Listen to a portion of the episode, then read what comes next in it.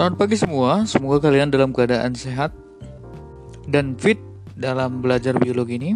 Mari kita lanjutkan dari pertemuan kita yang kemarin. Kita sudah selesai dari fase interfase pada pembelahan mitosis. Nah, sekarang kita masuk ke slide yang ke-25. Kita masuk ke fase mitosis. Subfase mitosis. Fase mitosis kan dibagi dua ya, ada subfase mitosis dan subfase sitokinesis. Sekarang mari kita lihat subfase mitosis. Subfase mitosis dibagi atas beberapa tahap dan kita mulai dari fase profase. Mari kita lihat apa yang terjadi pada fase profase. Pada tahap ini serat kromatin merapat atau ter sudah terkondensasi sehingga bisa diamati di bawah mikroskop walaupun masih sulit juga ya. Kemudian nukleolusnya itu sudah mulai lenyap. Kemudian setiap kromosom sudah tampak sebagai dua sister kromatid. Nah, kemarin sudah kita jelaskan ya sebagai tugas lagi sebagai apa sister kromatid. Kemudian gelondong pembelahan sudah mulai terbentuk. Sentrosom bergerak saling menjauh. Nah, itu kalau kalian sudah mengerti apa itu sentrosom, pastinya tidak akan sulit untuk mengerti tahap-tahap yang ada di sini. Nah, perhatikan di sana pada gambar itu gelondong pembelahan itu early mitotic spindle. Oke, ini sudah terbentuk. Kemudian sentrosom itu yang seperti yang di aster itu bagian aster ada dua nanti ini akan menjadi kutub satu satu kutub utara satu kutub selatan kira-kira seperti itu kutub pembelahan oke kemudian ini nuk, apa nukleolusnya sudah lenyap nggak ada lagi di anak inti selnya oke. Kemudian apa uh, ini udah terbentuk apa udah terbentuk kromosom dengan dua sister kromatid Nah, dia sudah menebal, sudah terkondensasi. Oke, inilah yang kita dapat dari fase profase.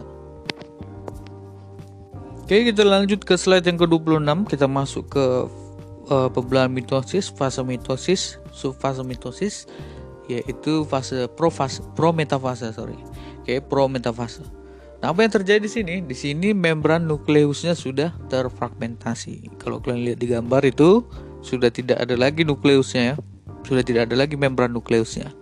Oke, kemudian mikrotubulus itu masuk ke wilayah nukleus. Perhatikan tuh, ini kan sudah terbentuk mikrotubulus yang itu yang apa eh, benang-benang uh, pembelahan ya. Nah di sini kalau kalian lihat kutubnya sudah saling menjauh satu utara satu selatan atau satu barat satu timur kan ya sudah terbentuk kutubnya. Kemudian apa? kromosomnya semakin terkondensasi. Nah, di sini dia baru bisa jelas kita nampak kalau kita praktikum. Biasanya kita praktikum menggunakan akar daun bawang, eh akar daun bawang, akar bawang. Ya kan, akar bawang merah. Nah, di bagian ujung akarnya kita lihat memang di situ adalah sel-sel yang sedang aktif aktif membelah. Ya kan? Nah, di situ bisa kita lihat banyak uh, bisa ketemu kita nanti dengan uh, seperti ini. Ya kan? Karena dia sudah terkondensasi. Kalau dia masih apa masih berupa kromatin yang tipis nah dia sangat sulit untuk kita dapatkan. Oke? Kroma itu sendiri artinya warna ya. Jadi zat warna. Jadi dia bisa menyerap zat warna. Oke? Sehingga kita berikan asetil apa asetokarmin sebagai apanya sebagai pewarnanya kemudian dia menyerap warna tersebut sehingga bisa nampak oke nah kalau kalian ingin me, apa mem, melihat uh, kromosom mulai dari fase uh, prometafase sampai metafase itu adalah waktu yang yang paling tepat. Oke. Okay. Kemudian masing-masing kromosom punya kinetokor. Kinetokor udah tahu ya, kinetokor kemudian melekat pada sentromer. Jadi sudah melekat mikrotubulusnya tadi uh, de, apa dengan uh, kine, apa dengan kromosomnya. Perlekatannya itu ya kinetokor. Oke. Okay. Kemudian mikrotubulus melekat pada kinetokor dan menggerakkan kromosom. Oke, menggerakkan ke mana? Tentunya dia akan mendorong ke tengah. Oke, mendorong ke tengah sampai kepada eh, fase metafase. Sekarang kita lihat fase metafase. Slide yang ke-27, perhatikan di sana. Apa yang terjadi di sini? Pada fase metafase, meta itu tengah ya. Oke. Nah, pada fase metafase Ya sangat jelas. Kita bisa ini yang paling gampang, fase yang paling gampang untuk kita kita identifikasi, gitu ya. Nah, kenapa dibilang metafase? Karena tepat berada di tengah dia kromo apanya kromosomnya. Kemudian apa? Dua-dua apa mikro dua-dua kutub tersebut bersentuhan dengan apa? Kedua kutub menghasilkan mikrotubulus yang berlekatan dengan satu kromosom. Jadi kalau kita lihat dari dua kutub ini ada mikrotubulus muncul, kemudian kedua-duanya sudah melekat ke bagian kromosom. Ya, sentrosom berada pada kutub-kutub sel yang berseberangan. Ini sudah tepat berseberangan ya. Oke, bagian sentrosomnya. Kemudian kromosom berjejer tepat pada pertengahan nih jarak antara dua kutub sel. Oke, dan inilah dia. Kalau kita lihat gambar aslinya, kira-kira seperti yang ada di gambar nih. Oke, dia berada di tengah-tengah.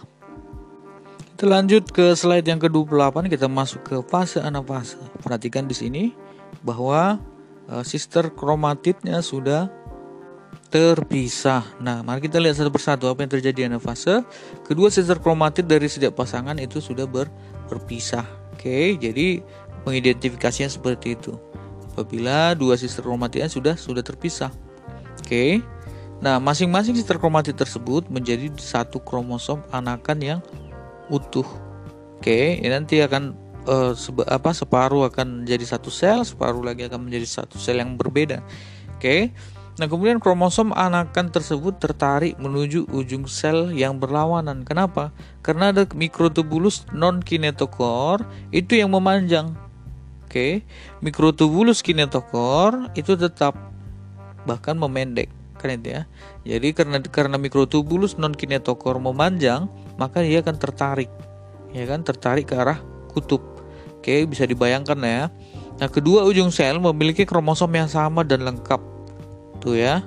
Jadi sudah memiliki kromosom yang sama dan lengkap ya kan di ujung sel.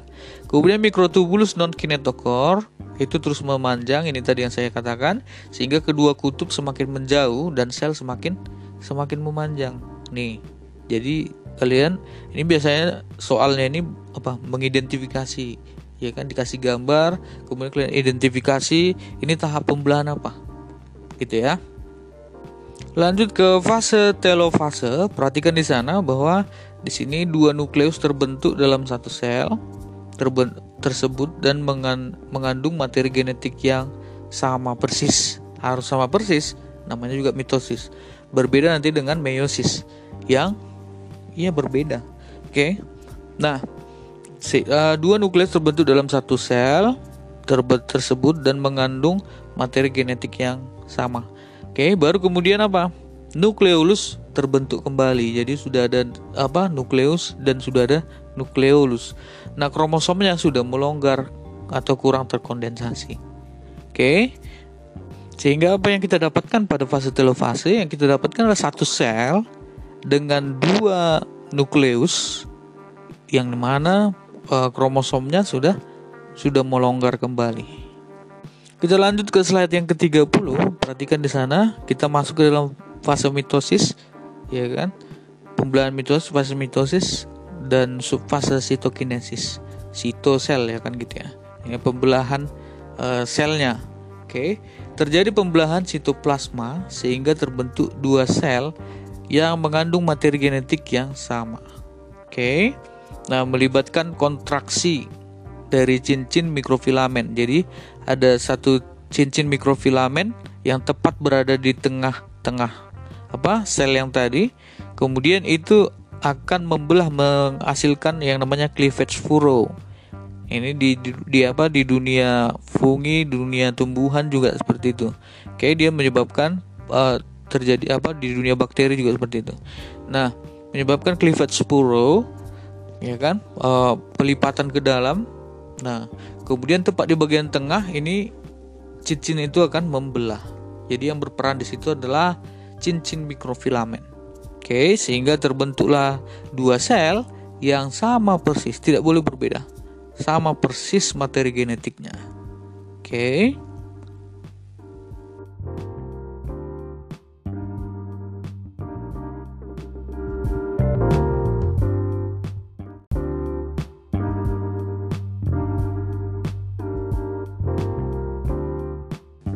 Oke, sekarang kita masuk ke checkpoint. Ini adalah titik pemeriksaan.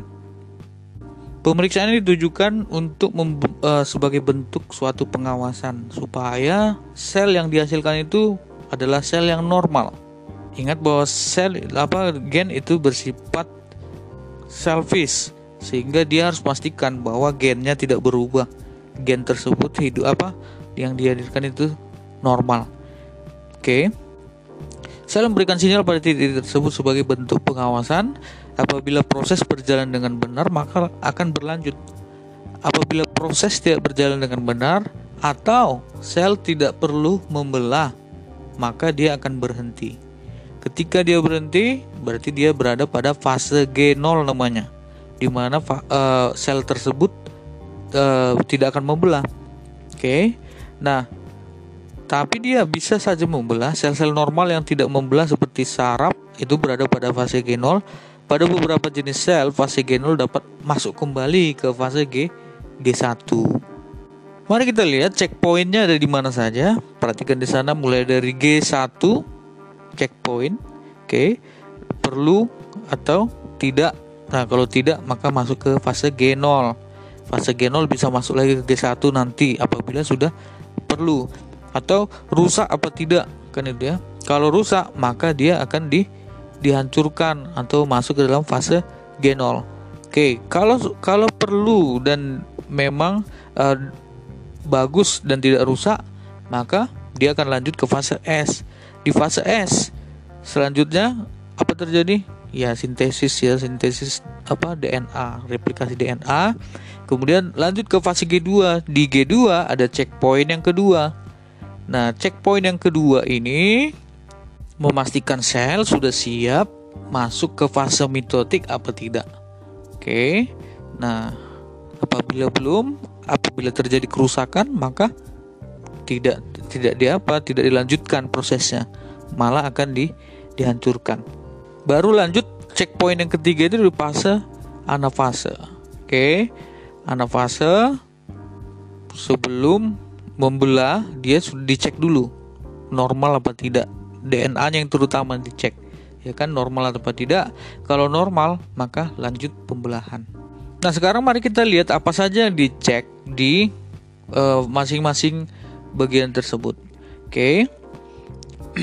di apa di G1 yang dicek adalah yang pertama itu nutriennya kemudian yang kedua itu growth factorsnya eh, faktor-faktor pertumbuhannya Kemudian DNA damage, ya kan kerusakan DNA. Karena ini yang paling penting. Nanti kita lihat itu akan selalu di dicek.